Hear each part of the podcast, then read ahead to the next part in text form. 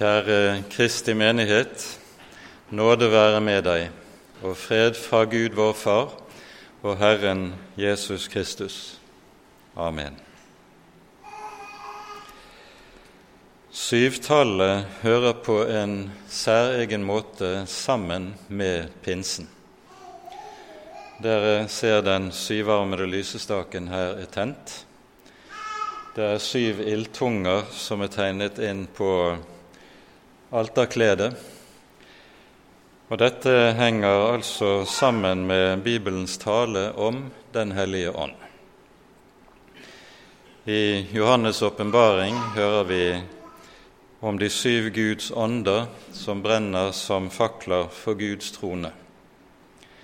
Og eh, i, eh, hos profeten Jesaja så hører vi at Messias, når han får sendt Guds hellige ånd, så er tallet på gavene som listes opp med, ved Ånden, det er tallet syv.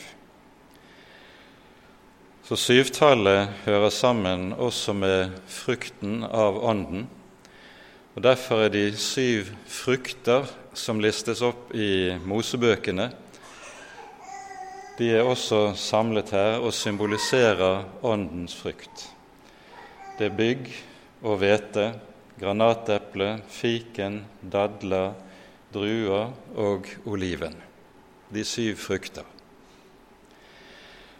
Og Likeledes så hører vi i påbudet om pinsehøytiden i Mosebøkene at når sabbaten etter påskehøytiden er avsluttet, skal det telles syv uker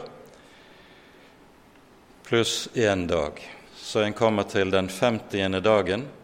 Da skal det være pinsehøytid. Og Dette ble i det gamle Israel markert på den måten at en telte ned fra påskehøytiden til pinse, på samme måten som vi teller ned i adventstiden fra første adventsdagen frem til julaften. Det peker på den forventning som var forbundet med pinsen. En telte ned og ventet på Herrens rike gaver som skulle utsendes. Og slik er det at Den hellige ånd kommer på pinsehøytiden med sine gaver, med sitt lys, med sin sannhet. Og så begynner den nye tid i frelseshistorien, misjonens tid, hedningenes tid, åndens tid. La oss reise oss og synge høytidsverset sammen.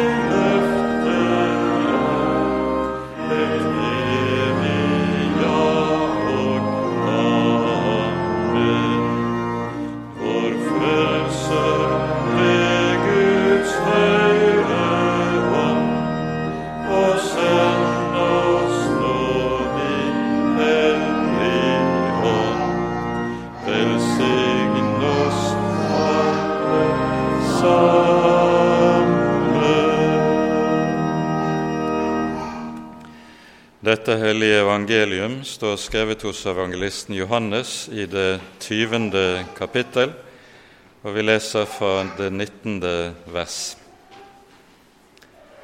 Da det var blitt kveld samme dag, den første dag i uken, var dørene lukket der disiplene var, av frykt for judeerne.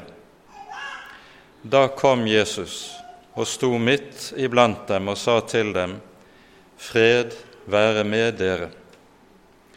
Og da han hadde sagt dette, viste han dem sine hender og sin side. Da ble disiplene glade da de så Herren.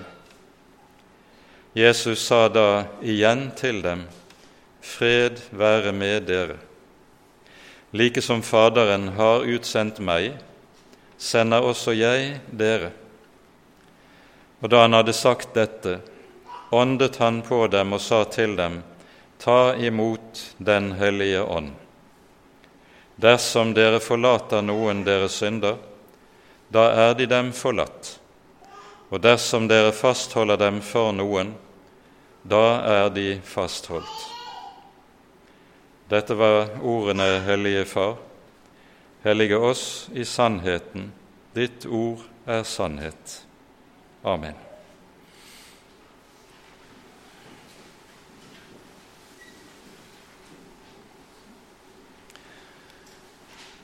Denne pinsedagen tar altså søndagens prekentekst oss med tilbake til påskedagen. Når Jesus kommer til disiplene på aftenen på påskedagen, så er det vi hører, det som her er omtalt. Det samme begivenheten omtales også i Lukasevangeliets 24. kapittel, der mer eh, eh, omfattende gjenfortalt. Det er jo i det hele tatt slik at eh, Johannesevangeliet har det med seg at Johannes har tatt mål av seg å fortelle det som ikke berettes av de øvrige evangelistene. Når Jesus kommer til disiplene, så hører vi to ganger han sier 'fred være med dem'. Dette er en helt vanlig hilsen i eh, Midtøsten den dag i dag. Så disiplene har kanskje, når Jesus sier 'fred være med dere' første gang, oppfattet det som nettopp dette en vanlig hilsen. Men så går Jesus videre. Han eh, viser dem naglemerkene, sårene i sin side. Og så sier han på ny en annen gang fred være med dere. Og Dermed så skjønner vi at den fred Jesus kommer med, den er knyttet til og springer ut av Jesu sår. Derfor er disse ordene som vi her hører Jesus tale, det er ord som knytter til det som lød skjærtorsdagskvelden. Fred etterlater jeg dere. Min fred gir jeg dere, ikke som verden gir, gir jeg dere. Når Jesus kommer ut av graven, kommer han med fred til disiplene. Og Efeserbrevet sier det slik Han er vår fred. Og så ut av dette knyttes så utsendelsen Like som Faderen har utsendt meg, sender jeg dere. Allerede på Betlehemsmarkene så lød løftet om fred. Ære være Gud i det høyeste, og fred på jorden blant mennesker som Gud har glede i, lød englesangen som vi også synger med i. Løftet om fred lød der allerede ved Jesu inntreden i verden.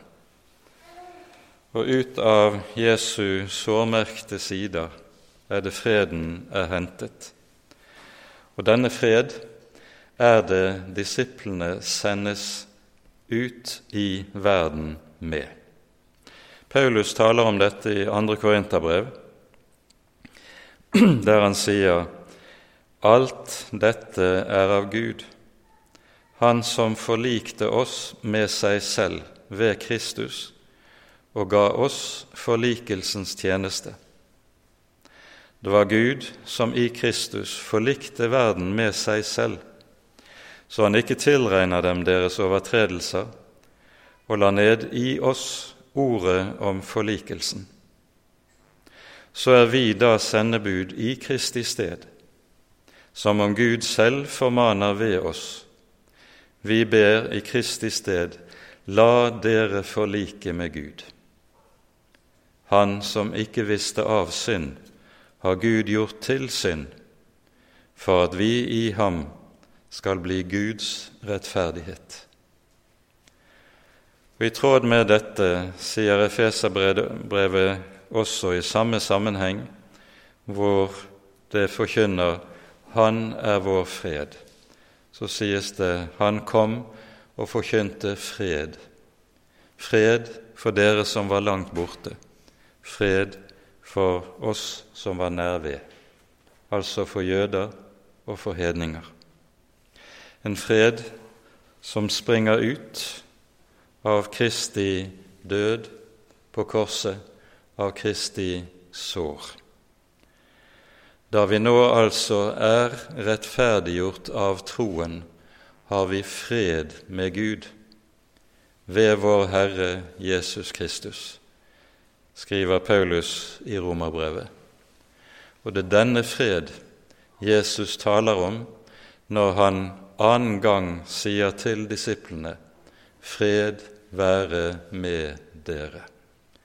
Han knytter freden uttrykkelig sammen med sin lidelse, sammen med sine sår.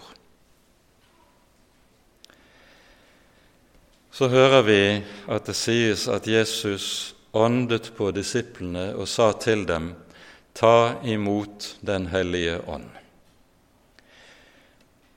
Det er helt klart at det vi her hører, det henger sammen med det vi leste i, fra Første Mosebok, annen kapittel, der vi hører om skapelsen av mennesket. På samme måte som Den allmektige skapte Adam, det første mennesket, skapes det nye mennesket ved at Herren blåser sin hellige ånd inn i disiplenes nese de blir nye mennesker, en ny skapning. Mange har undret seg over at Johannes forteller dette. Var det ikke slik at Den hellige ånd kom på pinsedagen? Hvordan kan Johannes da si at disiplene mottar Ånden allerede påskedagsaften? Årsaken til dette ligger i at en har misforstått noe av det som vi leser i apostelgjerningenes annet kapittel om pinsedagen. På pinsedagen i Jerusalem mottar disiplene ikke Den hellige ånd for sitt eget personlige vedkommende. For sitt personlige vedkommende mottar de Ånden nettopp her, påskedagen, når Jesus står midt iblant dem bak stengte dører. Da mottar de Ånden. Der blir de nye mennesker. Der skjer det som vi hører fortelles i Lukasevangeliets 24. kapittel, der det sies da åpnet han deres forstand så de kunne forstå Skriftene. For nettopp dette er Åndens gjerning. Ånden er den som åpenbarer Skriftene, åpenbarer Kristus i Skriftene. Og nettopp ved at Kristus åpenbares i Skriftene, skjer den nye fødsel, skapes det nye livet. Jesus åndet på dem og sa, Ta imot Den hellige ånd. Hva er det da det som skjer på pinsedagen, innebærer? Pinsedagen er det vi kan kalle for en frelseshistorisk begivenhet, der Gud for all skapningen kunngjør at nå, nå er den nye tid kommet. Nå er frelsens dag opprundet. Nå har den nye pakt trådt i kraft. Nå er evangeliet gitt også til hedningene. Nå er den gamle pakts tid, der Guds ord og løftene var knyttet til kun ett folk, til Israels folk. Den tid er avsluttet. Nå gis ordet, nå gis lyset, nå gis evangeliet til alle folkeslag under himmelen.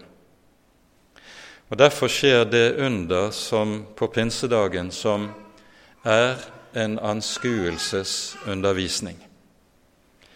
Språkunderet, nemlig at evangeliet forkynnes på alle de språk som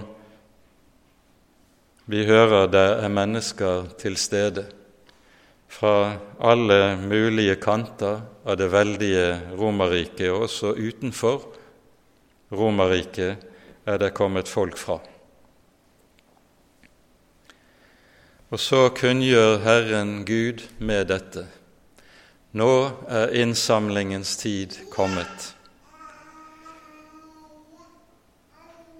Årtusener tidligere hadde Gud med sine dommer startet adspredelsen av folkeslagene. Det hører vi om i Det gamle testamentet i fortellingen om Babels tårn. Her forvirrer Gud menneskenes språk, og språkforvirringen fører til at folkeslagene adspres utover hele jorden. Pinsedag skjer det motsatte underet. Nå gjøres, oppheves dommen fra Babels tårn. Nå kan alle folkeslag forstå. Nå starter innsamlingen av folkeslagene til Guds rike. Og denne innsamling skal skje nettopp på det vis, på den måte som eh, Herren sier.